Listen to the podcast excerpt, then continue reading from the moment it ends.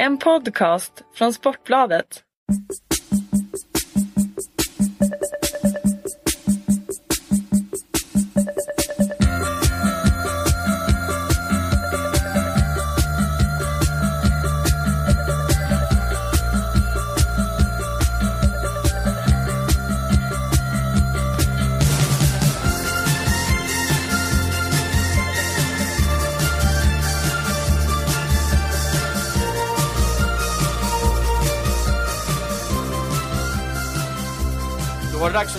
Välkommen till 51% fotboll. Podden med mig Robert Laul och min vapendragare Oskar Månsson. Vi har haft ett uppehåll här på två veckor nästan för att eh, Oskar Månsson du har eh, svikit vårat valspråk. Podden framförallt. Du har begett dig iväg till Georgien så att eh, vi har inte kunnat spela in någon podd där på ett tag. Vad har du att säga till ditt försvar? Um, jag skjuter tillbaks den här då. Jag hade ju planerat den här resan ganska länge. Ibland vill man ju åka till Georgien. Ja, jo, så är det. Eh, ibland har man ju det suget. Och då hade du möjligheten att liksom lösa uppgiften här. Du har en Häcken-redaktör att bolla med. Simon Bank hade du kunnat plocka in i studion och köra podden framförallt. Folkets podd. Så, så du som har rest iväg, du skyller det på mig? Ja. Ja, det vet jag inte riktigt om du landar, med, landar i. Simon Bank var för övrigt också bortrest så att det är många på det här bygget som inte lever upp till podden framförallt valspråket kan jag flika in. Och Och, Häcken-redaktören. ja, han har inte sett röken av på två veckor heller så jag vet inte var han har varit. Eh, Var har du varit? Jag har varit här. Jag har varit här och gjort podcasts. Ja, du har dragit igång någon podd med silly season podd där allt fokus ligger på här nu när, när Månsson åker till Georgien. I alla fall nu är vi här Månsson. Ja, och vi har väl lite uppförsbacke tror jag. Eh, du tänker på vårt senaste avsnitt? Ja. Ja, eh, men jag skulle vilja säga att människor med eh, en god portion humor eh, har ju ändå har det ju landat rätt väl i vårt avsnitt, senaste avsnitt, vår stora granskning av de allsvenska klubbarnas pressfika. Och när man fick förklarat för dem att även, även det avsnittet påverkades och var starkt präglat av din Georgienresa. Vi var tvungna att snabbt kasta ihop någonting mitt i en period då det inte spelades så mycket matcher. Så har de flesta haft en ganska stor förståelse skulle jag vilja säga för att vi faktiskt gjorde den totala granskningen av de allsvenska föreningarnas pressfika. Ja, eh, jag har fått mest ris faktiskt måste jag erkänna. Eh, mest eh, upprörda röster. Däremot fascinerades jag lite av ditt svar där. Att liksom antingen var det pressfikan eller så var det ingenting. Ja, men ja, vi, vi hamnade ju lite i det läget att vi var tvungna att, att hitta ett, ett heltäckande program på något sätt där vi inte kunde beröra några matcher för det spelades inga matcher och det skulle komma ut när ett gäng andra matcher hade spelats in. Så att då var vi tvungna att göra något som, som inte påverkat, påverkades av tid och rum på det sättet. Absolut, det köper jag. Men det måste ju inte vara pressfikan. Nej, det måste det det, inte det var ju lite det som folk var förbannade på. Men du var ändå med och gjorde Men du det här svarar pro- bara, antingen är det pressfika eller ingenting. Nej. Så det finns bara två Ja, alternativ. Men du var ändå med och gjorde det här programmet och nu eh, tre veckor senare så, så kommer du med kri- kritik till det.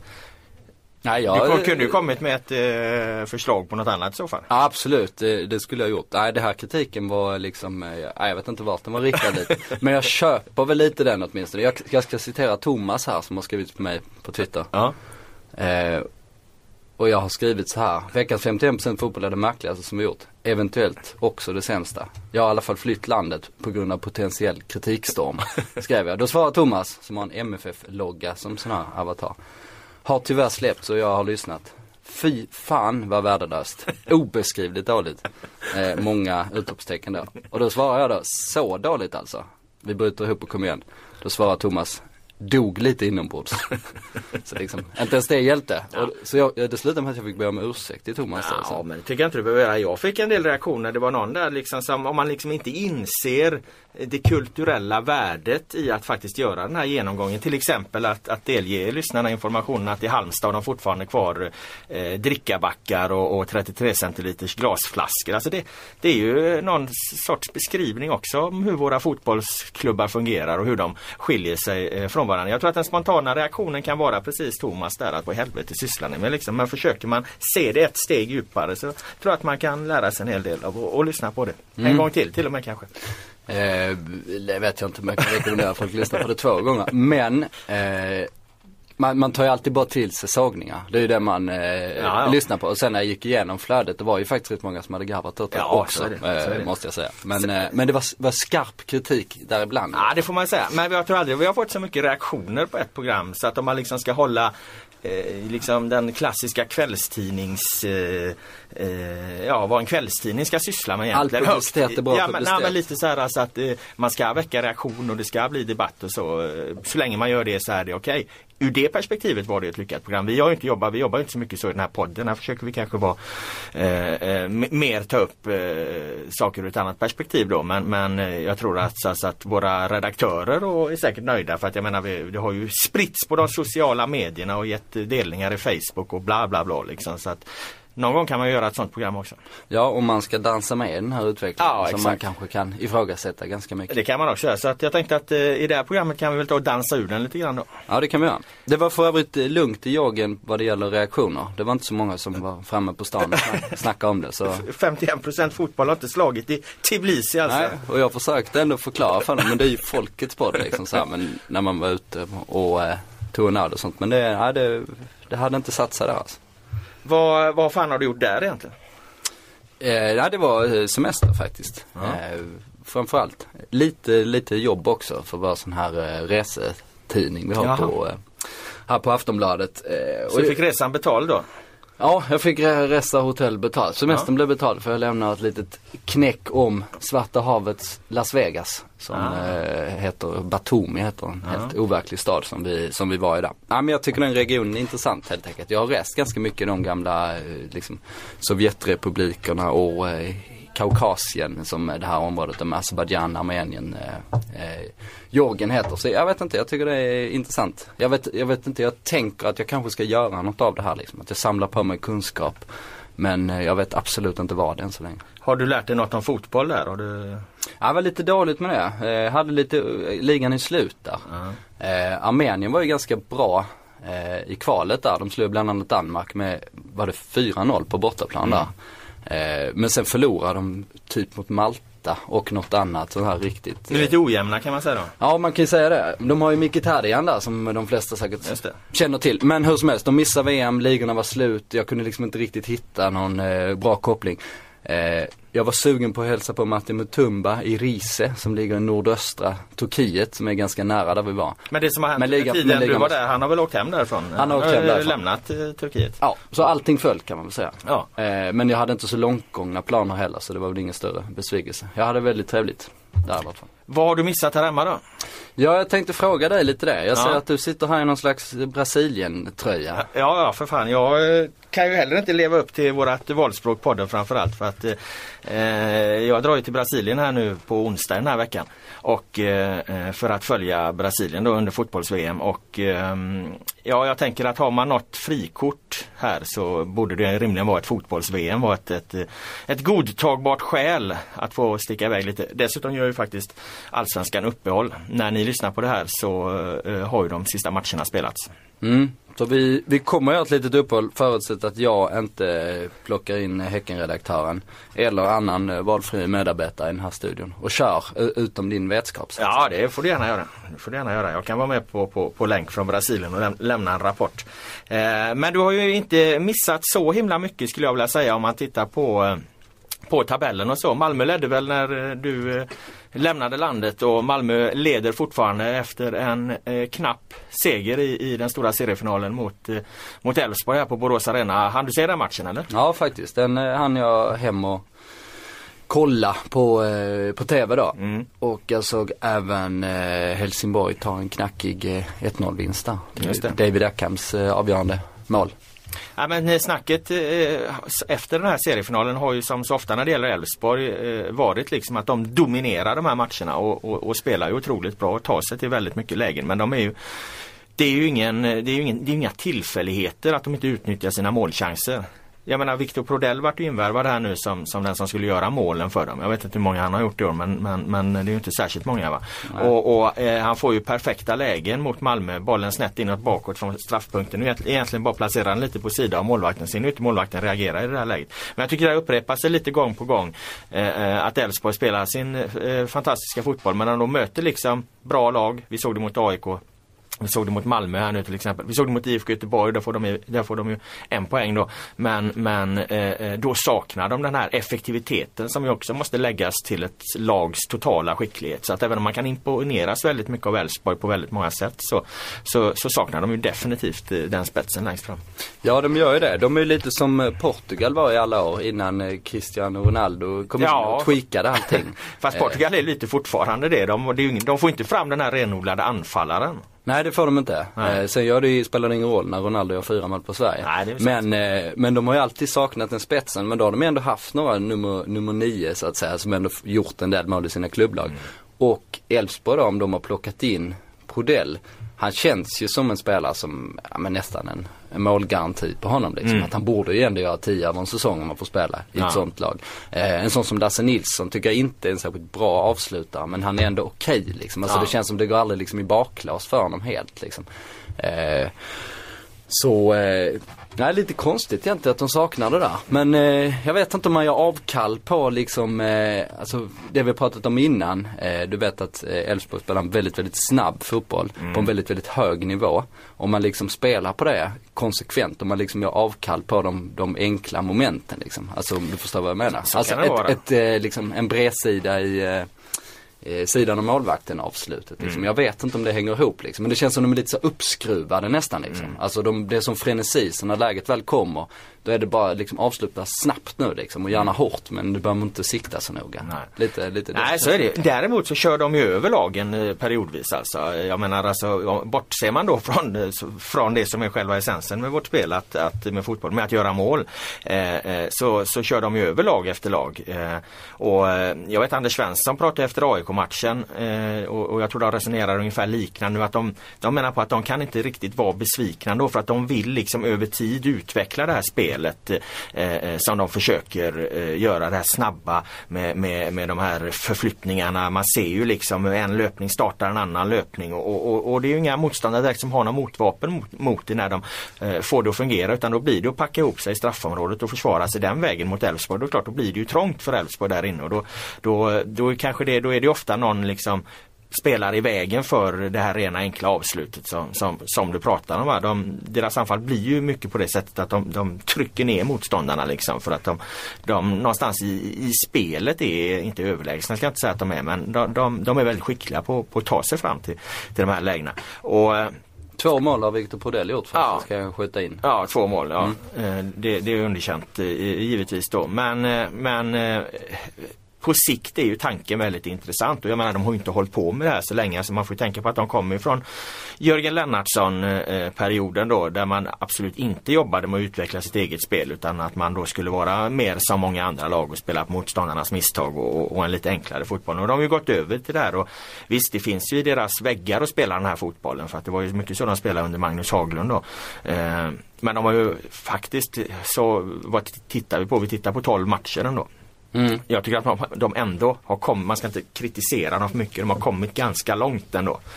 När det bara är det här som saknas. Det hade varit värre om liksom ingenting av deras spel hade fungerat. Då, då, då, då hade man kunnat vara orolig. Så jag tycker att någonstans att, att det Elfsborg gör är väldigt positivt och, och väldigt intressant att följa. Jag håller med där eh, och jag är överraskad själv som var ganska skeptisk till om man bara tittar på tränarlösningen. Här hade jag liksom inte gjort så mycket egna eh, observationer. Eh, jag hade inte varit och hälsat på själv, jag hade inte varit på träningsmatcherna och sånt liksom. Så det, det var ju mer bara en känsla jag hade. Men om man tog Janne Mian då, Hammarbys gamla fystränare, Ja, ja. slänger ihop honom med, med Klabbe eh, som eh, har eh, ja, alla sina problem då och kommer inte kunna närvara väldigt ofta. Och känns ju som den här, alltså eh, som inspiratör så, så tror jag att han är fantastisk. Eh, ja, kanske bättre än någon annan liksom och, och få med sig en grupp. Jag kan Ja. tänka mig det. Men, men som eh, taktiker så, kan, eh, så har man ju ingenting på honom liksom. Så därför, jag tyckte att den här konstellationen kändes, äh, det är liksom en enda stor nödlösning. Och Wettergren där som en skicklig Ja, han är ju analytiker. taktiker liksom men han, är ju, han har ju tagit ett medvetet ett kliv bakåt liksom. För Ja precis, så att då kunna jobba tänkte lite man, mer med eh, landslaget. Och, och ja, så. och då tänkte man att då kanske han har eh, tappat lite inspiration också Mm. där. Om han, man tar ju sällan ett steg bakåt utan, ett, utan något skäl liksom. Eh, så därför är jag väldigt, eh, väldigt, väldigt eh, eh, överraskad av dem. Jag tycker de spelar, spelar bra. Mm. Och nu är det ju sex poäng då till Malmö men det var ju en sån eh, match. Det kunde ju lika gärna blivit Elfsborgs vinst. Ja, ja, så var det.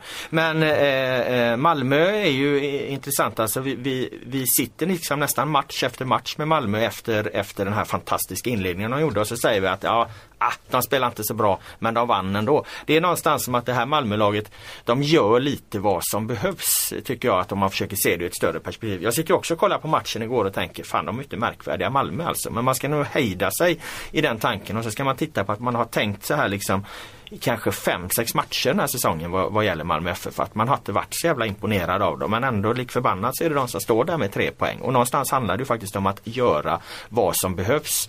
Eh, jag menar vi vet ju inte hur den här matchen hade sett ut ifall Ifall Elfsborg hade kvitterat till exempel i 50 minuter. Det hade ju ställt andra krav på Malmö att flytta upp spelet på ett helt annat sätt. Mm. Ja, skillnaden igår som gör att, att det kanske inte var en slump ändå. Det är lite om man tittar vilka offensiva spelare Malmö har då. Att mm. de har eh, Rosenberg, Magnus Eriksson, eh, Molins och eh, ja, Forsberg mm. eh, till exempel då. Att de är ju spelare som de kan ju avgöra eh, på, eh, på massa olika sätt. Lite oavsett, lite jo, oavsett hur matchbilden ser ut mm. så kan de ju det. Men om man tar Elfsborg spelare då, om man tar liksom deras eh, signaturspelare då, om Prodell inte riktigt får, men om man tar liksom Hult och Hedlund och Rodén och den här typen. Mm. Så är inte de, alltså de har inte den här liksom spetskompetensen vad det gäller avslut. Nej. De har inte kylan där, det är klasskillnad. Ja, just i det avseendet liksom. Och det är kanske det som avgör det. Igår gjorde ju till och med Malmö mål på hörna va? Det, det, det är väl inte deras fans särskilt bortskämda med. Jag satte mig i alla fall och tog ut en eh, drömelva här över våren. Eh, det gjorde jag till och med innan seriefinalen spelades. Eh, men eh, jag tycker att den är giltig fortfarande och apropå reaktioner. Du så... brukar ju sällan vika från dina sådana här uttagningar kan man ju säga. nej men eftersom vi, vi brukar tala om vi får reaktioner på saker och ting och det här har inte så mycket med podden att göra, min, min drömelva då. Men jag fick en hel del reaktioner på den. Jag kan ju bara läsa den lite snabbt här då. Jag har AIKs Patrik Karlgren i mål. Jag har Elfsborgs ytterbackar som ytterbackar då. Johan Larsson höger, Niklas Hult vänster. Sen har jag ett mittbackspar bestående av Kalmars Marcus Nilsson och Djurgårdens Daniel Amartey. Jag har eh, en lagkapten i Guillermo Molins, eh, lagkapten för att han har den här elvans klart bästa skägg. Jag har Marcus Halsti och Simon Gustafsson, en offensiv, en defensiv innermittfältare. Malmös Halsti, Simon Gustafsson från Häcken. Och jag har IFK Göteborgs Sam Larsson till vänster. På topp Marcus Rosenberg och Mustafa El Kabir. Och eh, eh, ja du Oskar Månsson, spontana invändningar? Eh, ser ganska bra ut på, eh, på det stora hela tycker jag. Aha. Men några invändningar har jag väl. Jag tar, tar det här lite på, eh, på, på uppstuds i och för sig. Men jag tycker att eh, Lars Kramer i Kalmar ska vara eh, målvakt i min, i min elva. Även mm. om jag har noterat Karlgrens match nu på slutet. Det har ju mm. lite, varit lite symbolen för AIK har, har vänt då liksom. Men, eh, men Kramer leder målvaktsligan av de som har spelat eh, alla matcher i stort sett. Och eh, Kalmar har släppt in 10 mål och eh, han har varit väldigt, väldigt stabil. Mm. Han var väldigt bra i fjol också för övrigt. Men det spelar för sig inte så stor roll just i den här. Men det är, det är, ju, det är under, underskattad målvakt. Det är ju intressant att du nämner målvakter där för att i det här inlägget då så jag, jag liksom Själva anslaget i det att den position som jag tycker var allra svårast att ta ut det var just målvakt. Alltså det, jag, jag skriver lite så att det är som liksom inget av topplagen har en klockren keeper. Möjligen då Elfsborg i Sture Ellegard eller just Kramer i, i, i Kalmar. Eh, det är de två jag nämner där. Men jag tyckte det var lite roligt att eh, Patrik Karlgren på det sättet han har kommit in i den här allsvenskan. För att det där var ju rätt Det var ju lite oväntat. Alltså Kenny Stamatopoulos blev petad mitt under säsongen. Alltså den, den målvakt som AIK och Andreas Alm gick in i allsvenskan med eh, dömde de själva ut efter, vad var det, 5-6 matcher. Eh, och eh, gav den här unge Karlgren då. Som ju ser betydligt ung, yngre ut än vad han är. Han ser ut som han är 13 men han är ju 22 då. Ja. Jag kallar han här för Patrik Babyface Karlgren. Eh, eh, det tycker jag är en riktig iakttagelse. Så att jag tyckte det kändes som att det här var lite Okej okay då, kanske inte vårens, vårens bästa målvakt men ändå vårens målvakt. Det är ändå han som på något vis liksom eh, fick symbolisera bilden av en målvakt från den här våren. Det har inte funnits någon klockren målvakt. Och plocka in den här unge grabben som kom in på ett annorlunda sätt och faktiskt har stått för både friläges och, och straffräddningar på kort tid. Här. AIK har väl inte ens förlorat med honom i målet. Så. Ja, okay. det var lite luddiga statuter än vad jag trodde. Ja. Jag trodde så, bästa spelare men eh, nu, nu har vi någon slags symbolvärde. Nej, det var just i den här frågan då eftersom det var, var, var målvakten där som jag inte kände fanns någon klockren. Men det blir svårt att komma åt dig om du ska ja, förklara det, det med någon slags Men jag köper, jag, köper, jag köper dina synpunkter och det är inte helt omöjligt att du har rätt. Mm. Backlinjen då, Johan Larsson, Niklas Hult på ytterbackarna. Ja. Eh, ser väl bra ut. Där är det ju konkurrens då mellan eh, eh, Mikko Albonos på, på högerbacken där. Det är ja. två starka kandidater verkligen. Men jag, jag har ju nog mer på Larsson där faktiskt. Jag tycker han är väldigt, väldigt bra i match efter match. Mm. Och även om man inte, precisionen kan vara inte alltid perfekt i offensiven så är han ju alltid uppe och, mm. och hotar och, och eh, gör, mål och eh, dribblar och slår inlägg och sånt. Men här, och lite där tänker jag också, det är också lite, det är också lite symboliskt för den här våren för att Elfsborg, det Elfsborg liksom har gjort väldigt bra genom att utnyttja snabbheten på, på ett o, o, oerhört imponerande sätt. Jag menar det är ju inte helt givet att Niklas Hult ska lira vänsterback liksom. Han är ju, var ju från början en vänsterytter liksom. Han har man satt ner. Så att, det tycker jag också att, eh, att de här ytterbacksvalen på något vis de, de, de ger en, en bra bild över den allsvenska vårsäsongen 2014. Men här behöver jag inte försvara mig så mycket för här håller du faktiskt helt med mig. Mm. Eh, mittbacken Marcus Nilsson, Daniel Amartey Där skulle man kunna sätta in Filip Helander. Eh, som jag eh, tycker är väldigt, väldigt stabil. Eh, har ganska svår uppgift i Malmö också. Eh, under stundum för att de i backlinjen där sätts ju ganska ofta under press. Mm. Alltså de har ju mittfältare som vill gå framåt, eh, som gärna kontrar och då liksom som hellre chansar framåt för att få den där liksom eh, extra ytan eller extra friläget. Eh, och då liksom ofta kan tappa bollen och då blir det så att backlinjen är ganska ofta utsatt för mm. motattacker då och då måste man organisera det snabbt och, då, och just där är Filip Helander fenomenal för han är, han, eh, han täcker skott och han är i vägen. Han liksom eh, du, du, du känner igen den typen, Ja absolut. Du har spelat mot spelare som är i vägen ja, alltid, ja, ja, liksom. jo, absolut. jag, är, jag, är, jag är väldigt förtjust i, i Filip Helander och och hade väl gärna eh, sett honom i den här elvan men alltså jag kan inte välja bort eh, vare sig Nilsson eller, eller Amartey. Eh, eh, Nilsson eh, är ju Kalmars bästa försvarsspelare eh, den här våren. och sen att han Torbjörnsson är ganska bra också. Ja, Torbjörnsson är bra men jag skulle vilja hålla Nilsson ett, ett steg högre. Alltså Nilsson är förvisso rätt oduglig med boll. Det ska man väl komma ihåg. Alltså, det, det, så han ska ju inte ha bollen i den här backlinjen men han spelar ju andra sidan med, med Daniel Amartey som ju likväl kan, eh, kan spela in i och är ju fantastiskt skicklig på du vet att bryta och i samma ögonblick som man bryter så, så är det en passning framåt vilket, vilket är en kvalitet man ser allt för sällan i Allsvenskan. Så de som har den förmågan att konsekvent kunna göra det. Va? Jag tycker han har varit en gigant i många matcher i, i Djurgården. Han var, den insatsen han gör i 0-0 matchen mot, mot IFK Göteborg är, är, bland det bästa jag har sett en mittback, vad jag kan påminna mig en mittback göra i Allsvenskan. Alltså, det finns en situation, jag måste berätta den, det är en hörna. Amartey är på första stolpen och, och hörnan blir lite låg så han nickar undan den och den kommer tillbaka till hörnläggaren som är Ludvig Augustinsson i det här fallet så han får ny chans att slå in bollen. Och då sätter han en längre boll mot, mot bakre delen av Djurgårdens straffområde. Och då ser man Amartey springer och tittar på bollen och backar sig igenom hela straffområdet och vinner nickduellen i andra änden av straffområdet. Alltså det var en fantastisk liten sekvens eh, som säkert har gått många förbi men det, det, specialstuderar man honom så, så, så ska han absolut vara med här. Jag kan okej, okay, jag kan köpa då att vi möjligen skulle haft eh, Helander där eh, tillsammans med Amartey. Men jag vill nog, ändå, vill nog ändå säga att ska man titta på vad som har präglat den här våren återigen då så så är det ändå Kalmar som är en liten sensation i Allsvenskan. Det är framförallt deras försvarsspel som har fungerat väldigt bra och där vill jag lyfta fram Marcus Nilsson då. Så att det var ja. lite så jag motiverade. Den enda som eh, kan utmana Amartey tycker jag, alltså inte i den här elvan, utan just i den defensiva eh, spelförståelsen. Mm. Att, att det bara, bara sitter hela paketet liksom. Att han är så mycket, mycket smartare och smidigare än alla andra liksom på planen. Att man får det intrycket.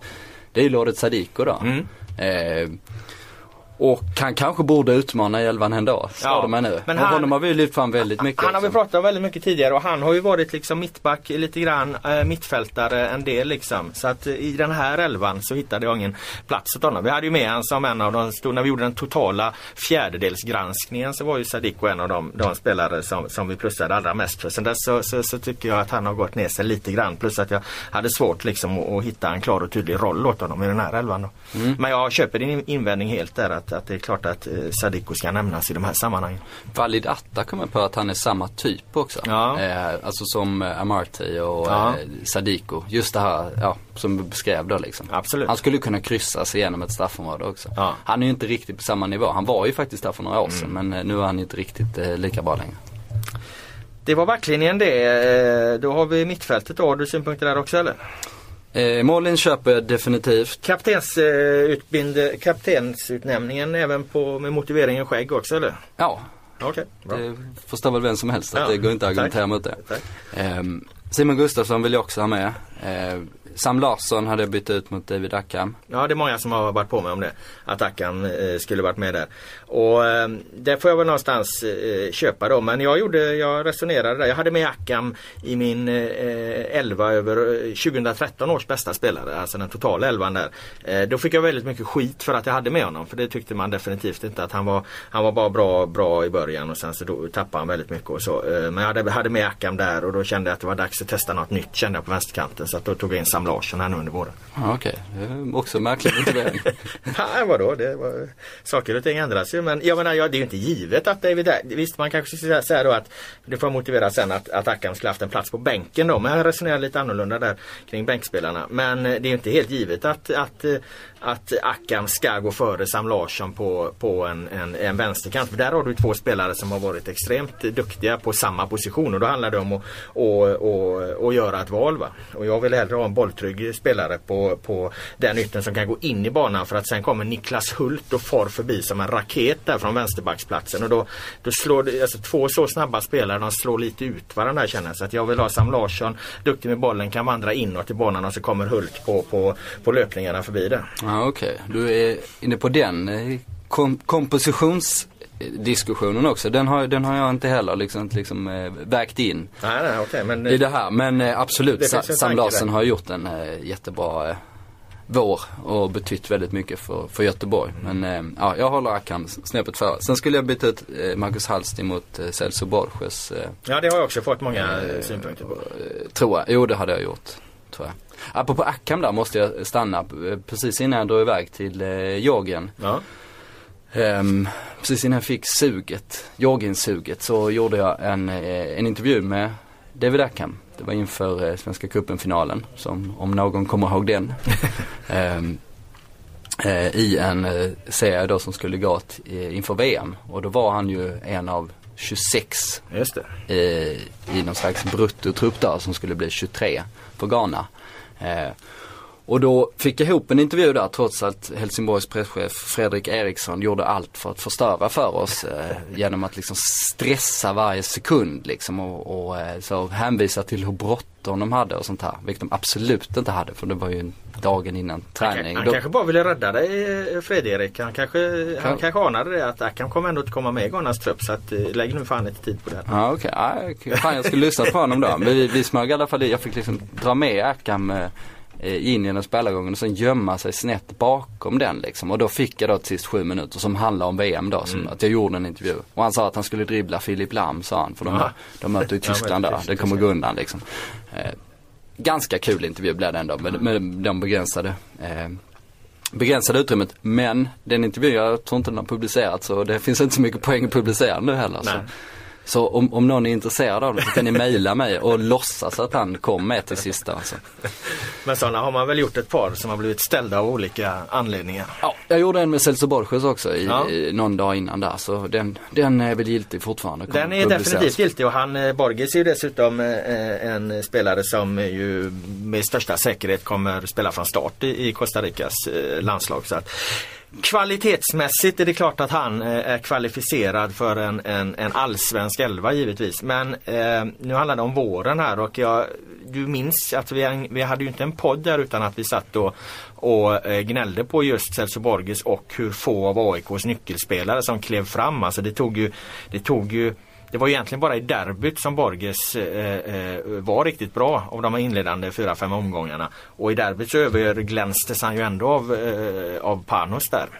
Som ju blir skadad olyckligt sen. Men, eh, eh och sen har ju Celso Borges definitivt kommit igång och varit riktigt bra i, i några av AIKs eh, eh, matcher här på slutet. Men nu missar han ju också de två sista eh, omgångarna. Han spelade ju varken mot Malmö eller kommer spela mot mot BP. Så att han har inte hunnit göra så himla mycket och då skulle det liksom bli en uttagning mer på grundkvalitet än på vad du kanske faktiskt har gjort under den här våren. Och, och där har jag, vill jag, skulle jag vilja säga Marcus Hallster. Vi hade en diskussion om Marcus Hallster, kommer du ihåg det när vi satt med de allsvenska eh, betygen där att vi, jag tror vi sänkte honom från 4 plus till 3 plus.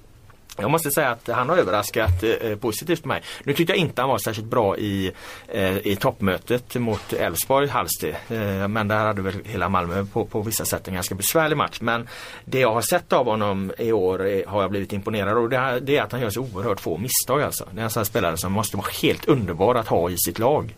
Eh, eh jobbar hårt i båda riktningar. Och, och eh, var ju även inblandad i det här fantastiska klapp-klapp-målet som Malmö gjorde mot, mot Djurgården. Om någon då kommer ihåg det. Men framförallt så oerhört eh, få misstag så ofta på rätt ställe. Så att jag skulle inte vilja skicka ut min allsvenska vårelva utan Marcus Hallst i, i en bärande roll. Nej, eh, Borges har gjort eh, sju poäng faktiskt. Eh, han har faktiskt hunnit med en del. Jag, jag, jag köper det du sa att han, att han börjar svagt. Eh, och han missar två också. Jag, jag mm. förstår det men han har ändå plockat in sju poäng från mm. ett eh, centralt inomhittfält i ett 4-4-2 lag i det här derbyt. Visserligen överglänsta av Panayotis Dimitriades men, men båda de var ju fyra plus ändå liksom. Mm. Celso var ju. Eh, jättebra där. Så jag skulle nog plocka med honom tidigare. Men ja. Halsti också en bra kandidat. Kommer du ihåg hur det gick till när Halsti kom till Malmö förresten? Nej. Eh, han värvades ehm, Jag vet att han till... var mittback till början och så skulle han få sparken och det blev ett jävla liv på Norling och så ja. var han kvar den vägen. Ja han har många liv men han, värvade, han värvades till Gais i vart fall. Finsk katt. Från, eh, från eh, finsk katt. eh, han, eh, han värvades till Gais från Finland. Ja. Eh, och på eh, liksom eh, Bosman då inför eh, säsongen ska vi säga, det 2008 tror jag. Mm, låter bekant. Jo 2008 just det. Eh, för jag träffade honom i Malmö där på våren, det var under 2008. Eh, kom man gratis dit och sen så kom Malmö på, nej vi behöver ju en mittback. Och sen kolla vad har vi då? Jo Gais har en kille, men han är ganska dyr. Ja. Så, men vi köper honom liksom, han kostar ju typ 4 miljoner eller något sånt. Ja det är ju rätt mycket för att vara en i, Jag minns inte exakt summa men det var någonstans i de regionerna. Ja. Men det var ju ganska bra deal av dem. De signade ja. en kille gratis som ingen känner till. Ja, säljer honom för 4 miljoner. Han har spelat noll matcher. Eh, och sen hade vi det du sa. Sen spelade han i Malmö, slog egentligen aldrig igenom Nej. på flera säsonger. Eh, skulle lämna klubben, eh, testades till sist som på innermittfältet. Malmö vann allt och sen har han stannat här. Mm. En bra story. En finsk, finsk katt som, eh, som vi brukar säga. Apropå finska, Eero Markkanen har ju gjort någon form av eh, succé i, i Finlands landslag under tiden och varit borta har jag eh, snappat upp. Har du noterat det? Eller? Det är något i Georgien? Ja, oh ja, oh ja. De har koll på Eero i Georgien. Ja, det har de. Oh ja. Eh, alltså, han är på väg att bli stor där nu, Eero här. Som en, en någon krönikör där på, på Huvudstadsbladet, eh, tidningen i, i Finland, i Helsingfors, dömde ut honom eh, längs med fotknölarna när, när AIK värvade honom. Det var ju ingenting att ha liksom. Han har ju fått göra avbön och, och, och nu verkar ju hela Finland vara på väg att ta Eero Markkanen till sitt hjärta. Ja, eh, jag tror det var lite överdrivet det vill säga. Finland gjorde väl en jättedålig match och Markkanen var okej okay, liksom. Så var det någon som, någon, någon plockade upp någon kommentar sådär. Ja, det gäller att hitta det positiva. Men han är i landslaget i Absolut. Han platsade inte i, som anfallare i vårens allsvenska elva i alla fall utan där har vi Rosenberg och El Kabir. Har du synpunkter där också? Du har haft synpunkter på varenda lagdel hittills. Mm. Det vore synd att svika den trenden kanske. Ja det får jag väl eh, nästan ha då va. Mm. Eh, Du vet inte vad bara. Nej, att komma på något. Nej men El Kan, Kabir kan, tror jag, kan jag opponera mig helt utan argument? Nej, El. Kabir eh, tror jag nu när jag har plockat med då min trätobroder där. Han är ju antagligen överlycklig nu El Kabir för han tror att jag har ett, ett horn i sidan till honom. Att jag, han tycker aldrig att jag uppmärksammar hans prestationer. Men El Kabir har ju faktiskt, han har ju linkat av eh, var och varannan, eller varenda match i princip halvskadad. Jag tror han har gjort åtta starter eller något sånt. och, och, och det är inte många av dem han har fullföljt. För han har blivit skadad och, och har haft väldiga skadeproblem. Kommit tillbaka och spelat. Men gjort mål i princip varenda gång. Jag tror han ligger på sju mål. Liksom. Så sett till, till, till minuter så har han ju, har han ju definitivt lev- levererat. Eh, nästan i samma omfattning som han levererar på, på, på Liseberg när han vinner sina mjukisdjur där. Mm. Och där är han i sitt esse. Nej, jag, köp, jag köper båda två. Och jag Ja. köper tränaren som jag ser i Hans Eklund också. Ja. Rosenberg var det väl lite synpunkter på så kanske. Eh, men jag tycker att eh, Marcus i många sekvenser eh, visar att han har en klass som är lite högre än många andra. Så oerhört smart på planen och, och, och gör väldigt mycket i, i det fördolda plus att han ju även gör poäng och så här. Sen så kanske han skulle ta ett par lite fler löpsteg än vad han gör i matcherna. Det, det, det är väl det man kan lägga till honom att han sliter ut ihjäl sig. Nej, viktigt tror jag för honom att, eh, att han inte blir bekväm. Nej. Eh, den typiska grejen, du vet när det kommer in en spelare från en annan division och Ja. håller högre nivå. Men Exakt. att man snabbt blir bekväm för att man känner att det räcker ändå Nej. på något sätt. Och Rosenberg ska ju springa, även om man, vi har lyft fram det att han har blivit duktig i tagetsspelet. Sånt Ja. så ska ju han gå på djupet. Det är väldigt avgörande för hur bra han kommer vara. Dessutom har han ju bommat en jävla massa chanser Ja. också. Han har sumpat väldigt mycket målchanser. Eh, men jag håller med om att eh, Han tar sig till dem. Men sen Ja. har väl inte han och Eriksson heller fungerat helt klockrent eh, det på den senaste tiden. Här. I början så flöt det på ganska bra va? Men, eh, men eh, det känns som att de inte riktigt har, har hittat sina roller nu på slutet i, i hur de ska spela förhållande till. Va? Nej det är sant. Jag vet inte om det hänger ihop just med det här att Alltså Eriksson går ju aldrig på djupet. Nej. Utan han, han möter ju och han vänder upp och han trixar i sidled och, och letar stick och, och, och så här. Rosenberg där ska ju gå på djupet. Jag vet inte om förklaringen är så enkel liksom att han kan okej. inte riktigt gjort det. Men, eh, men jag delar, delar den analysen. Ja. Jag har faktiskt hittat varandra ganska illa just på slutet. Och det är väl eh, något som kan vara bra för Malmö när de får ett, ett uppehåll här nu och faktiskt jobbar ganska så konsekvent på det. Eh, tränaren köpte du där, eh, Hasse Eklund. Den som möjligen skulle konkurrera eh, kanske kan vara, vara eh, vi kan ta upp dem lite senare, eh, eh, Henke Larsson från en helt annat utgångspunkt då. Eh, men också lite Åge Hareid eh, skulle jag vilja säga om vi håller oss kvar vid Malmö en sekund där. Eh, det, det, Allsvenskan har ju en lång tradition av att regerande mästarna inte lyckas liksom. Hareid har ju ändå faktiskt kommit in här och det var ju ganska turbulent eh, när han kom in och det var mycket, många förändringar i organisationen och så vidare. Va? Så att våran eh, eh, redaktör på någon musik, jag vet inte om det hördes men Jo, men eh, Åge Hareid har ju i alla fall eh, kommit in och, och, och, och gjort något som ingen annan tränare har lyckats med eh, på väldigt lång tid. Att få ett eh, regerande mästarlag att leverera på det här sättet. Mm. Annars brukar de ju tappa direkt. Jag tror det Häcken-redaktören satte igång den här låten för att liksom eh, symbolisera Åge Hareide på något sätt. Men eh, Ja, jag tror att det var ett... Jag tror att Jag hyllar, gärna- jag, jag hyllar gärna Åge Hareide men det här var en pop-up.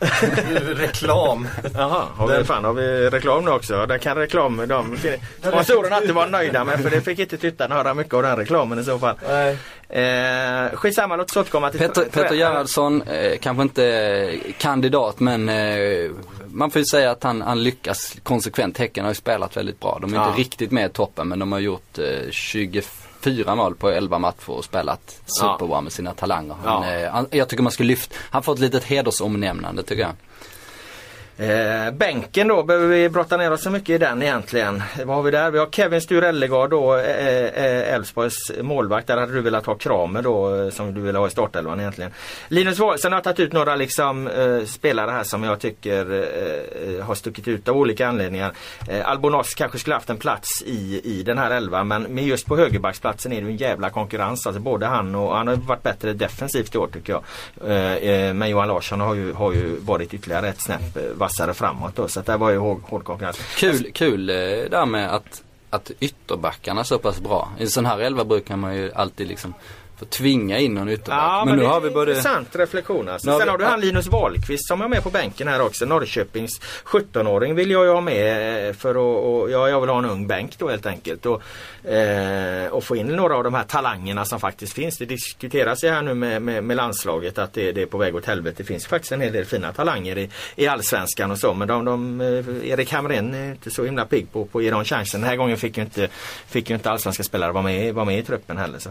Men Linus Wahlqvist är, är, var ju med i U17 VM och, och, och, och har gjort jättebra i, i Norrköping. Alltså, jättemogen i sitt spel och ett jättefint tillslag. Han är egentligen inte ytterback utan han är egentligen mittback. Så han är med här som en, en eh, spelare som kan användas på två positioner. Man kan ju säga då att du har tre, tre högerbackar med här eh, och två vänsterbackar. Lu- Ludvig Augustinsson sitter på bänken. Du är ju en sån som Ricardinho inte ens med. Det säger en Mm. nej. del. Eh, Och han skulle ju kanske kunnat vara med då på ren kvalitet framför Augustinsson. Men man ska ju tänka på att Augustinsson var skadad hela förra året. Han går in och gör sin första riktiga allsvenska säsong. Han har klarat den förflyttningen utan några som helst barnsjukdomar. Vi har dessutom en sån som Anton Tinnerholm där. Ja, som, han ville jag med. Han hade ju uppskriven här en gång men jag tänkte för att bara ytterbackar på bänken. han är också jätteduktig åt Vidaberg där. Och sen vill jag in eh, eh, Simon eh, Lundevall då. Eh, för att det är ofta, vi gjorde ju faktiskt en, en genomgång vilka har fått högst eh, betyg.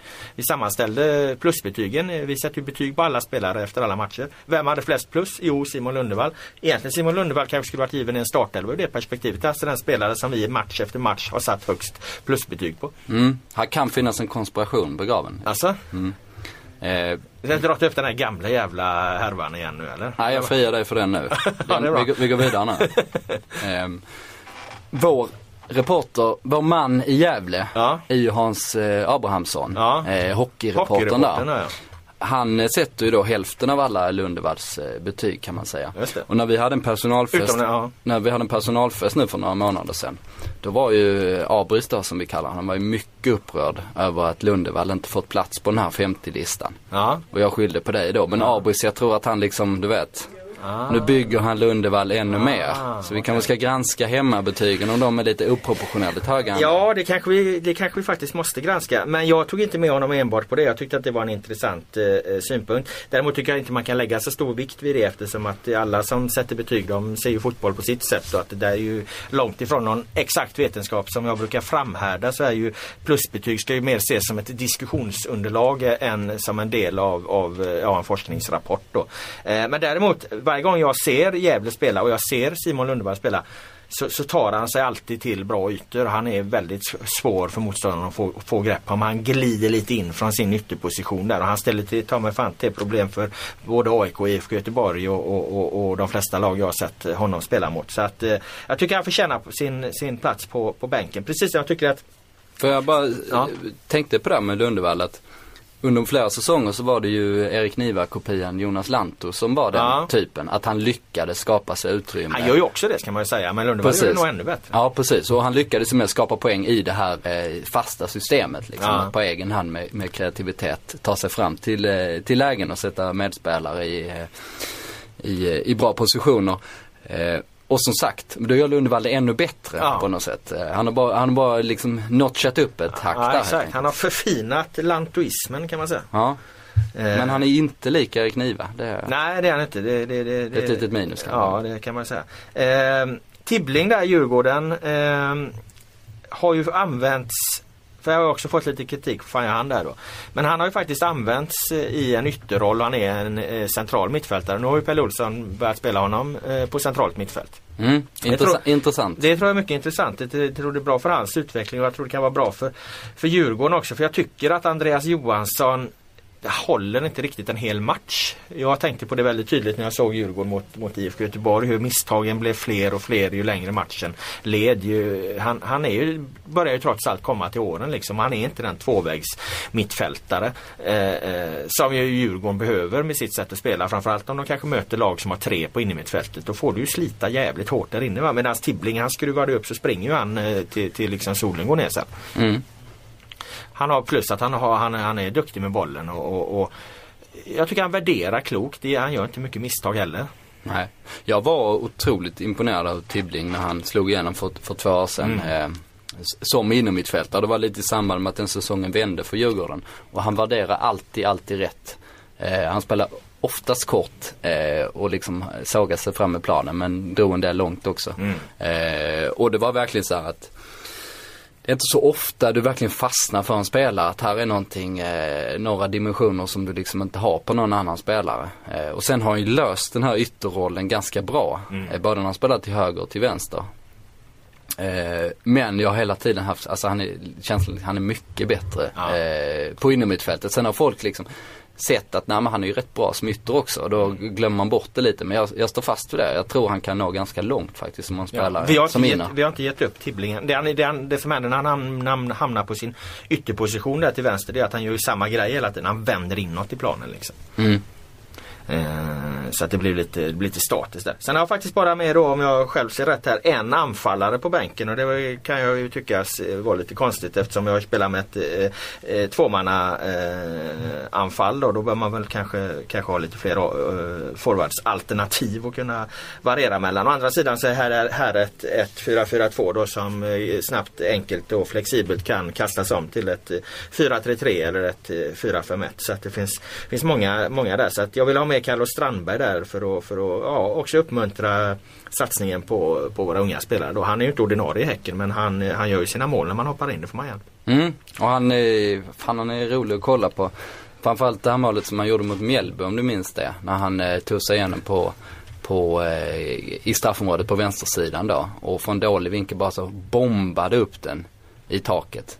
Det är väldigt, det är väldigt, alltså det, det, det är liksom, han har en slägga liksom. Ja, alltså det, det jävla bara, kraft, Det alltså. bara smäller till när han gör det liksom. Och för att göra det målet måste du ha exakt den kraften liksom. Mm. Eh, och eh, nej, han är rolig att se på så sätt. Han är ju en eh, en Adriano-typ verkligen liksom. Sen vet man inte med, med den typen av fysik, alltså när man har den här lite, alltså bastanta fysiken liksom. Alltså du är liksom lite köttig på planen så. Om man tittar på de spelarna som har, som har den typen av fysik, som har slagit igenom väldigt tidigt, ofta så här i världsfotbollen då. Och som alla har sagt att liksom, var ska det här sluta? Så slutar det ju ofta när man är 21. Alltså för efter det blir du lite för tung liksom helt enkelt. Eh, att din fysik är som allra bäst när du liksom är precis färdigväxt på något sätt. Liksom. Du har ju Så också man- haft en bra man- väg upp eh, när du har varit större än alla andra eh, under juniorlag och pojklag och så här. Där är ju ofta storleken som, som är en enorm fördel. Ja, så är det ju. Men om man tar så här eh, Ronaldo Il Fenomeno, han var nästan bäst när han var 21. Han Mm. hade lite den typen av fysik. Eh, vad har vi mer? Ro- Rooney har ju hållit väldigt länge men han var ju nästan allt som allra Ronaldo bäst. levererade väl ändå lite efter han hade fyllt 21 också. Det får Absolut. säga. Ja herregud. Han, han, var ju, ja, han var ju bland världens bästa länge. Men, men han var ju faktiskt som allra bästa sin topp rent där, fysiskt. liksom. Liksom. Ja. Sen blev han ju smartare då liksom. Men eh, ja, Mika Richards i eh, City. Mm. Eh, pikade ju verkligen som 19-åring liksom med sin fysik. Eh, vad har vi mer? Patrik Klyvert är lite eh, vibbar så. Jag tänkte Luka- Luka, jag tänkte på Lukaku kan vara- också. ja. Vi såg han i, i, i Belgien där. Det var Häckenredaktören som Ja, eh, poppade upp den. eh, Flika in honom där. Ja, påpasslig iakttagelse. Men eh, eh, på det stora hela då Månsson, inga stora synpunkter på elvan där. Kanske Akam skulle varit med, kanske Borges och, och kanske en annan målvakt. Eh, eh, annars var vi ganska överens. Ja, du får godkänt på den. Ja, vad bra.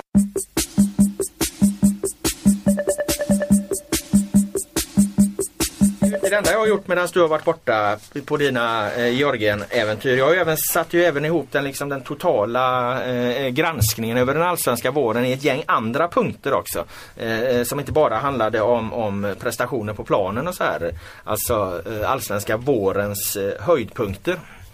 Eh, där jag till exempel valde att sätta ett lite fokus på, på Henke Larsson, eh, Falkenbergs tränare. Eh, det känns som att han, han har genomgått någon form av förvandling under, det, under, under den här eh, våren Henke. Alltså, jag menar alla, det alla associerar med Henke det är ju hans liksom tråkiga svar och, och, och liksom lite halvbistra attityd och du har gnällt på honom för att han inte ställer upp på intervjuer och så men här har han ju på något sätt gjort eh, saker som inte är särskilt mycket Henrik Larsson under den här våren. Jag menar, det började ju på eh, den här tragiska premiäromgången då så höll han ju ett brandtal liksom, alltså på presskonferensen efteråt och, och, och verkligen eh, talade från hjärtat Det var till och med så bara när han fick en eh, mick eh, eh, under näsan i tv-sändningen tror jag.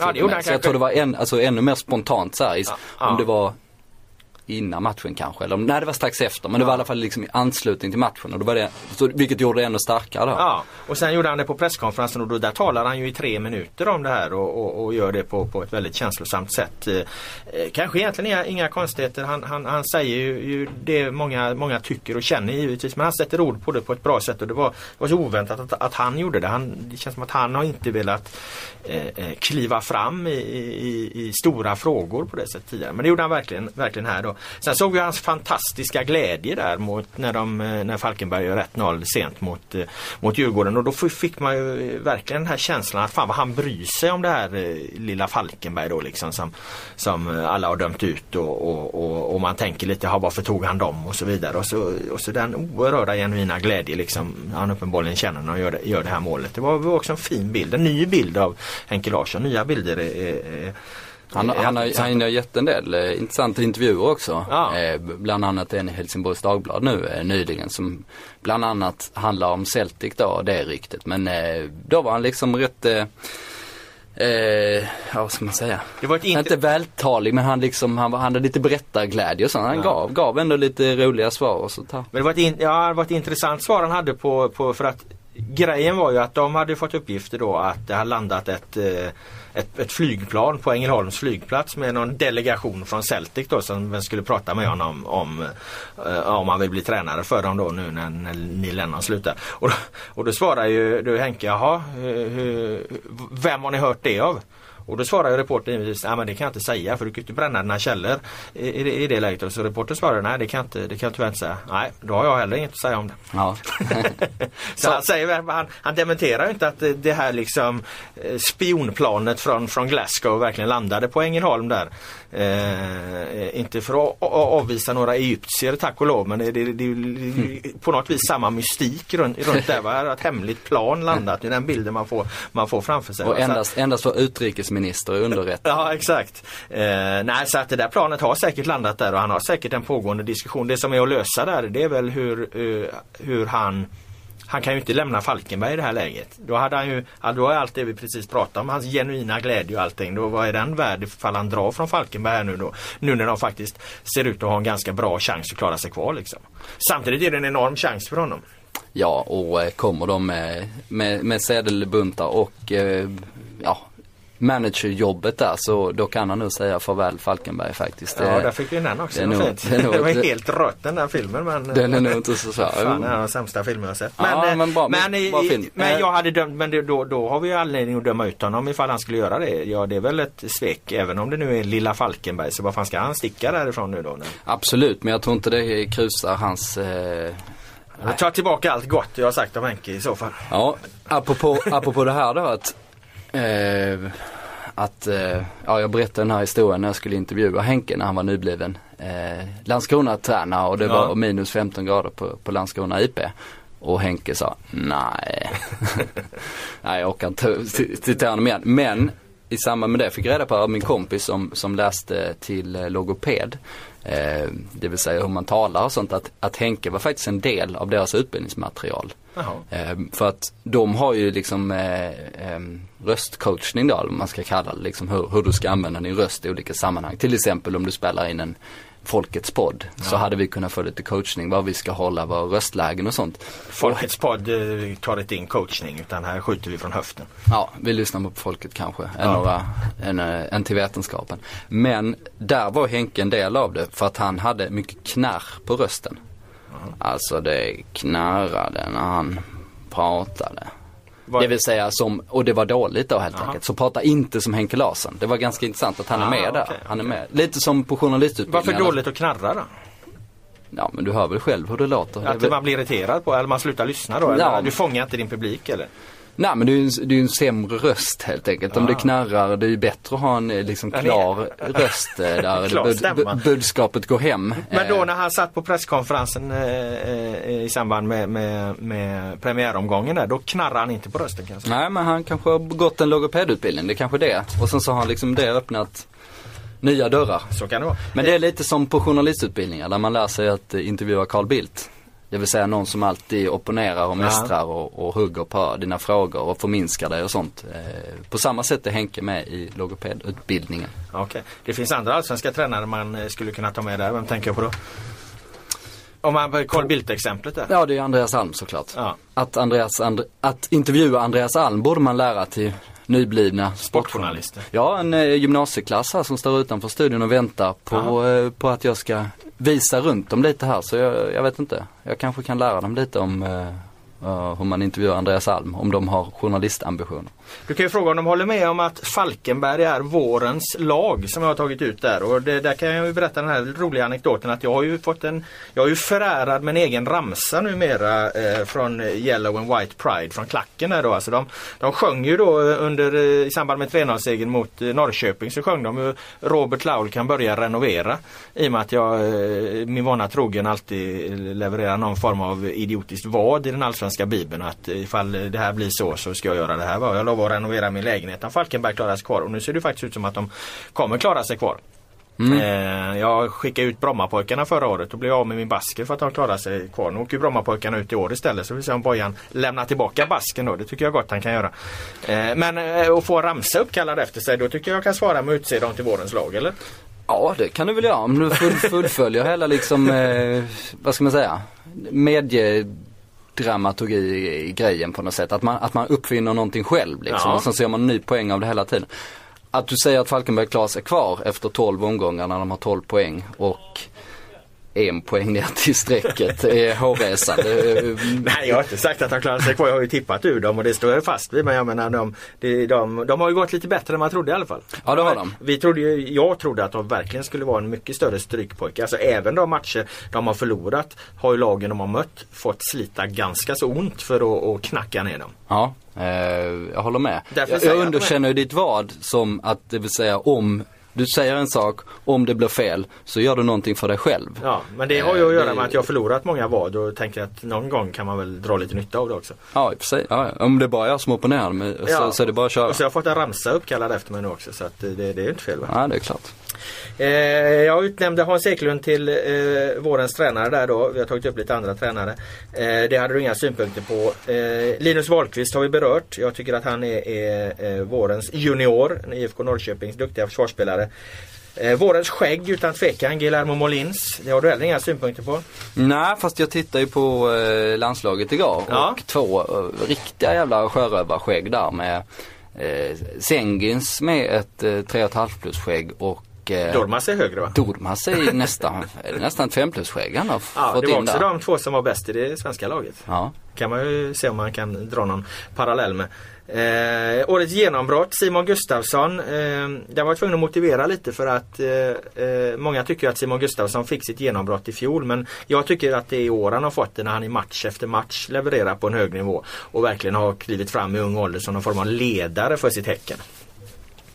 Så, så jag skulle vilja sätta honom på, på, på genombrott där om du inte har någon annan att eh, kasta in. Nej, inte riktigt på den nivån i vart fall. Han har ju varit eh, väldigt, väldigt bra. Fantastisk eh, chip han gjorde nu eh, Ja. eh, för någon, mot, Mot- Kalmar, mot, mot Kalmar, Kalmar. Eh, I fart. ja, som eh, visserligen abdikerad highlights-expert så vill jag ändå eh, eh, rekommendera det här. Alltså, jäklar vad skön den är alltså. Ja. I fart men så stannar han upp och sen bara liksom, ja men jag chippar väl till lite här då från, eh, från 25 meter och sen så Kramer jag är lite tveksam där i och för sig.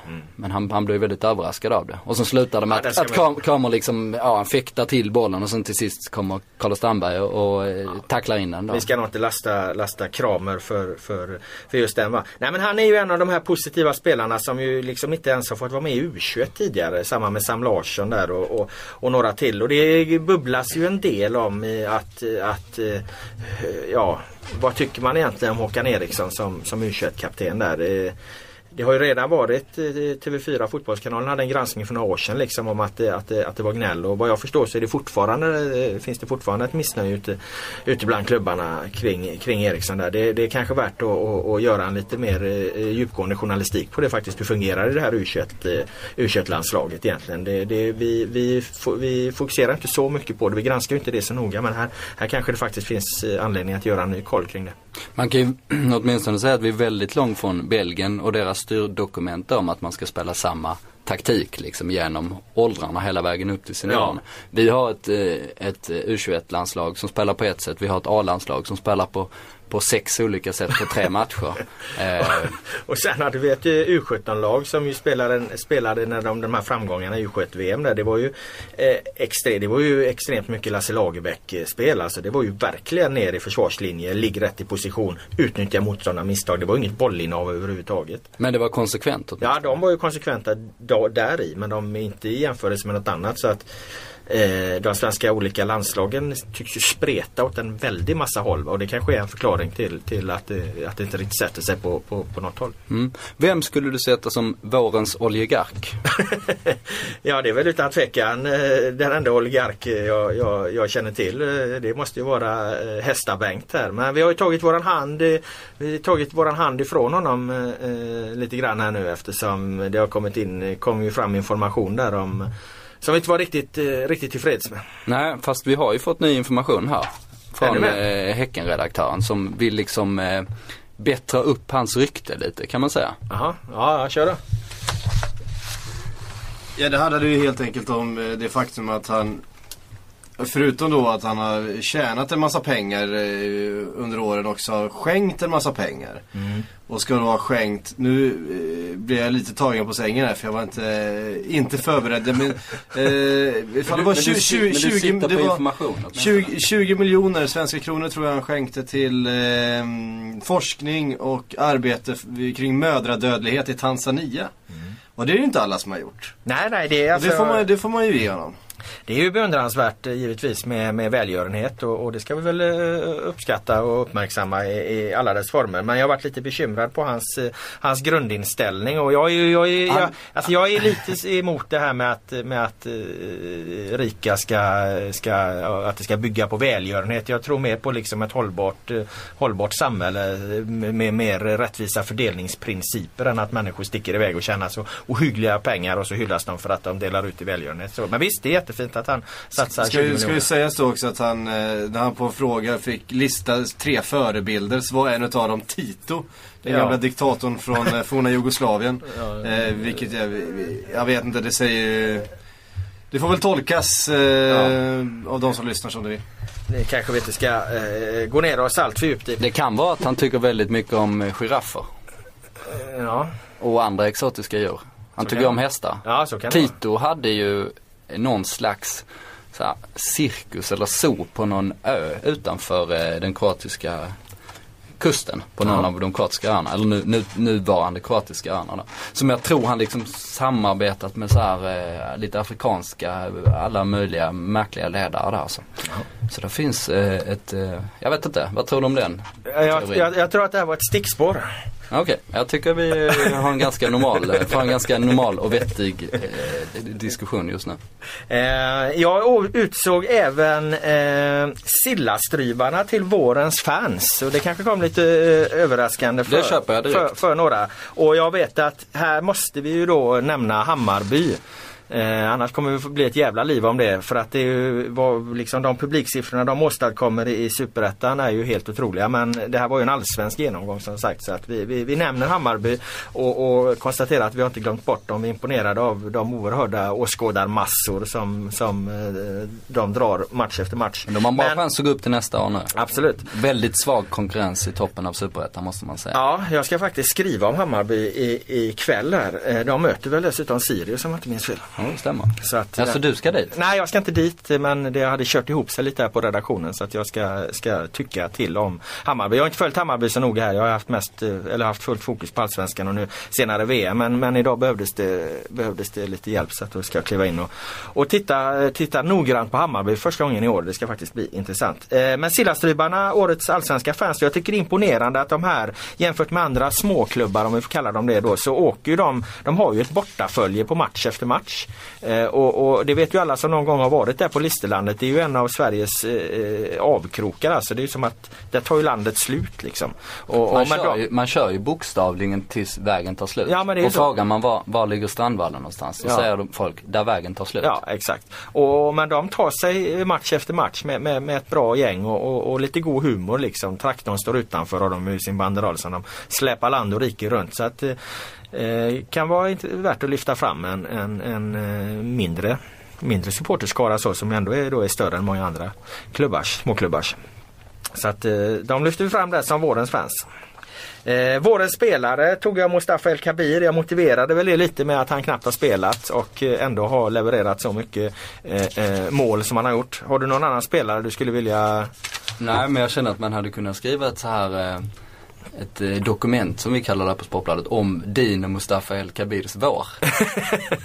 nu utnämner honom till vårens spelare plötsligt. Ja. Alltså, det har hänt ganska mycket. Det har runnit mycket vatten under broarna Nej, men jag är en eh, objektiv och konsekvent neutral journalist. Så att när Mustafa El Kabir ställer till med något märkligt utanför planen då är jag där och, och, och granskar det. Och när han levererar på planen då är jag där och lyfter honom. Så att jag menar det är ett fullt normalt förhållningssätt från en journalist till en spelare. Bara det att eh, Kabir har haft, haft lite svårt att hantera det här. Men, men eh, hyllas den som hyllas bör säger jag. Och, och, och just nu så, så eh, har jag svårt att se vem som skulle vara vårens spelare om inte Mustafa El Kabir.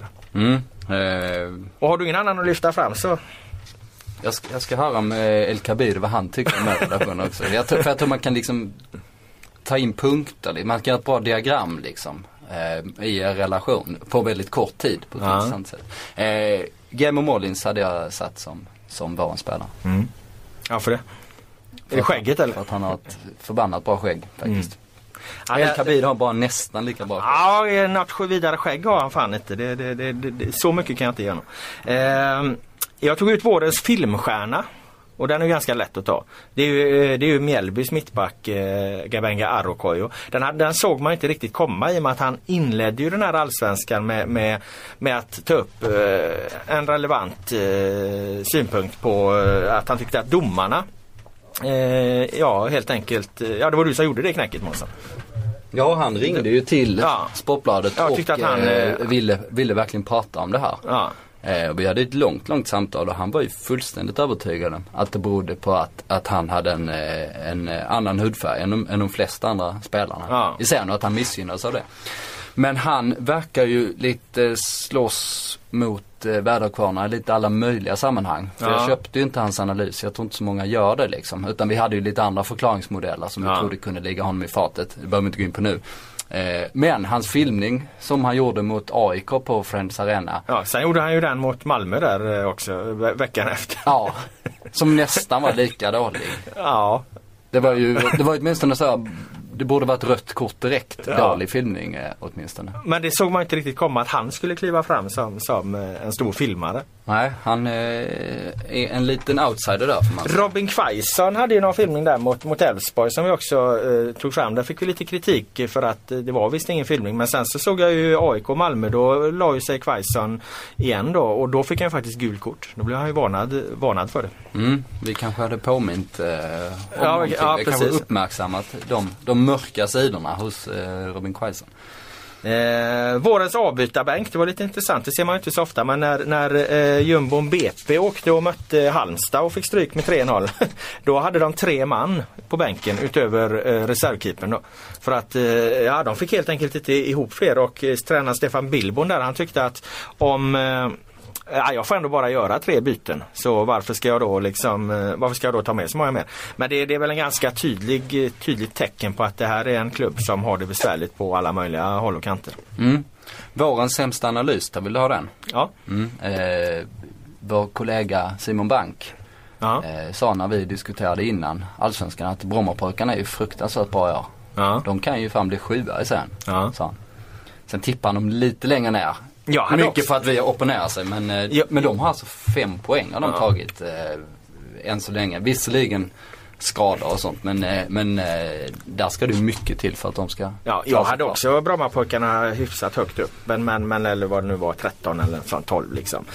Eh, man blev ju imponerad av dem i fjol men, men andra det sidan, Sim, fullständigt. Simon kan ju inte fotboll som jag brukar säga. Alltså. Brukar du säga det? Ja, den kan du få problem att backa upp. Vi får bjuda in honom här. Jag skojade lite men eh, det gick uppenbarligen inte hem. Så. Eh, vad har vi med då? Jo, vi har eh, den stora debatten har väl egentligen varit eh, den här, eh, om vi bortser då från eh, allting i efterdyningarna till, till eh, eh den här misshandeln som ledde till en Djurgårdssupporter tragiska död som ju ledde till någon väldigt stor och, och, och, och, och vildsint debatt liksom. Den, den har vi behandlat så många gånger. Men det som liksom har, har följt med under hela våren här nu det är ju den här bengaldebatten egentligen. Där har det blivit en, en där har det ju hänt någonting kan man säga. Dels har ju flera klubbar börjat att eh, agera hårdare mot det. Eh, de har i väldigt tydliga uttalanden sagt att det här kan inte accepteras längre. Plus att vi har sett exempel på hur eh, spelare nu då i Malmö FF när, när det eldades Malmö AIK så var ju Mollins och Rosenberg framme och, och, och ja, sluta släck liksom, släck va. Eh, den här frågan den har splittrar ju fans. En del fans tycker, en del fans tycker inte liksom. Men det känns som att nu har det liksom svängt över till att det är hårdare hårdare tag ska man kanske inte säga men det är tydligare reaktioner mot när det väl eldas. Jag vet inte riktigt var det kommer ta vägen men. Nej det är sant. Eh, det har svängt en del. Men det är en splittring inom fotbollen där definitivt. Samtidigt jobbar ju supporterorganisationen för att det ska bli tillåtet då. Ja. Och de är en tung röst faktiskt. Ja. Eh, de har blivit det på, på sistone vilket är väldigt glädjande tycker jag då. Eh, vi eldar ju på debatten ordentligt. Framförallt när jag sa elda på ja, i den här det. podden. Jag har ju fortfarande folk som mejlar mig om det och, och eh, diskuterar fram och tillbaka. Men eh, jag står ju Men du står fast, elda på. Jag tycker man ska elda på. Även när klubbarna så tydligt som i Malmös fall när spelarna vädjar liksom. Då tycker du när Mollins och Rosenberg kommer fram där. Då tycker du liksom dra upp två nya bengaler. Ja, tio nya. tio nya bengaler. Nej men eh, nej absolut. Alltså man, kan, man, får ju, man får göra det med timing i så fall liksom. Mm. Och, och eh, jag tror om man tar den här striden och vinner den eh, så hoppas jag att Eh, Eh, att man kan göra det på ett, eh, ett liksom kraftfullt och organiserat sätt då vid, liksom vid rätt tidpunkt. Att det, att det adderar någonting till supporterkulturen som blir liksom bygger stämning och sånt. Och, och jag har ju varit inne på det många gånger vilken dubbelmoral det kring, finns kring det. Hur alla berörda parter eh, inom fotbollen eh, använder sig av bengalerna för liksom en symbol. Liksom, alltså för eh, hur fantastisk den här fotbollsrörelsen är då. Absolut. Eh, liksom. Och jag tycker inte man ska böja sig för, för över, överhögheten då om man vill vinna en strid. Eh, vår podd lider mot sitt slut där. Vi har suttit i över en timme Månsson igen. Vi brukar ju köra 45 minuter inklusive eventuell tilläggstid. Det sista jag skulle eh, vilja att vi bara tog upp lite snabbt det är ju då, eh, så vi nämner det också, det har ju som alltid varit en och annan domardiskussion. Det kommer ju igång här nu på slutet. Eh, jag vet inte om du tog del av det här målet som eh, Malmö FF gör mot AIK. De kvitterar alltså i 2-2 i, i, fjärde övertidsminuten och Marcus Rosenberg eh, står och skymmer AIKs målvakt Patrik Karlgren när Pavel Civicki slår in bollen och Eh, Stefan Johannesson, domaren, motiverar efteråt med att han, han stod inte i bollbanan medan reglerna då väldigt tydligt skriver om, om eh, målvaktens, vad kallar de det, siktlinje. Så efter ett... Det var mycket snack om det i Tbilisi. Ja det var det va? Ja, det var det var folk diskuterade. Sen hade de lite så, okej okay, snart kommer ryssen också. Men det var liksom ja, ändå okay. sekundärt. Ja, nej men i alla fall. Men sen så gick ju domarbasen Bosse Karlsson då ut och sa att eh, eh, nej det skulle ha varit offside. Du kan inte stå i vägen på det sättet. Så att då fick man ju aldrig, all, då fick man i alla fall ett klart och tydligt svar på, på den frågan. Där fick jag ju en del kritik för att, eller vi då, varför tar ni upp det här så stort? Är det bara för att det är AIK som spelar? Men jag menar på att det här var ju någonstans en principdiskussion. Det här, den här situationen blev ju intressant när Johannesson gick ut och sa en sak och det stod en annan i reglerna. Då känns det som att då måste man ju någonstans få veta vad som gäller. Det handlar inte om att attackera en domare ur eh, vad, tog han för, vad gjorde han för bedömning. Det här blir det ju mer principdiskussion vad som gäller. Och det finns en annan sån principdiskussion som vi inte har fått svar på och det var IFK Göteborg mot Norrköping när Väler, Kjetil Väler kapar Andreas Johansson eh, eh långt inne på, på eh, de eh, Väler upp efter en hörna som är på Norrköpings planhalva och han fäller honom utan chans att nå bollen eh, för att stoppa en omställning och sen gör Pontus Jansson gör ju någon liknande sak eh, mot eh, Elfsborg igår då. Eh, I Välers fall blev det rött kort i, i, i Jansson fick bara ett gult kort då. men jag vill minnas från upptaktsträffen att Bosse Karlssons direktiv till eh, domarna var att om du kapar någon utan att du har en chans att nå bollen så ska det bestraffas med, med ett rött kort. Att de ska vara hårdare på det. Så att jag tror alltså att Strömbergsson som tog beslutet i, i Göteborg och gjorde rätt utifrån vad de har fått direktiv medan Hansson då gjorde fel. Däremot tycker jag att det logiska är ju att det borde varit tvärtom. Att du inte ska ge en utvisning för sådana saker. Liksom. Mm. Nej, jag håller med också. För att eh, som sagt, Bosse Karlsson hade ju den här eh, dragningen på eh, Allsvenska uppdragsträffen då. Och, ja. och då gick han igenom de här två sakerna. Ja. Eh, ganska klart. Så, eh, så jag tycker eh, jag håller med dig helt och hållet. Det här eh, Cibicis mål eh, borde ju inte ha godkänts. Eh, helt enkelt. Nej, det, det kan man ju liksom finna stöd i regelboken. Och det har vi ju fått eh, svart på vitt nu. Däremot vet vi inte riktigt hur det ligger till med den andra situationen då. Även om jag utifrån upptaktsträffen tror att som sagt Strömbergsson gör rätt som ger väl rött. Eh, medan Hansson också skulle gjort det i så fall. Men eh, Ja, eh, det, det tar, när det är nya grejer så tar väl ett tag innan det sätter sig och blir konsekvent. Annars så tycker jag att domarna, att det har varit ganska bra eh, nivå på, på domarna överlag den här våren. Det har inte varit så mycket sådana här debatter ändå. Nej, det tycker jag. Du, nu har jag min eh, gymnasieklass Ja. här utanför Du som ska, vi, eh, du ska låta dig ta hand om dem. pockar på. Eh, Då får vi väl tacka för visat eh, intresse den här allsvenska våren. Nu har vi sammanfattat den också och vi är väl tillbaka någon gång efter fotbolls-VM och så när allsvenskan drar igång igen och, och, och vi kommer börja komma tillbaka på våra arbetsplatser. Vi får väl se vad du hittar på under tiden här. Mm, vi får se. Eh, jag har lite olika idéer faktiskt. Eh, vad man kan göra rent journalistiskt nu när jag varit ledig lite. Så har jag får, kom, kommit igång lite. Men du får väl ha det så trevligt då. Ja. I Brasilien. Ja, tack så mycket. Hur säger man caprinha på portugisiska? Ja, man säger väl caipirinha. ja, man gör det. okej. Jag tror det. Jag har ingen aning. Jag ska lära mig portugisiska, jag har två dagar på mig. Vi tackar alla som har lyssnat. Eh, 51% fotboll är tillbaka eh, till sensommaren eller hösten. Ha det bra så länge.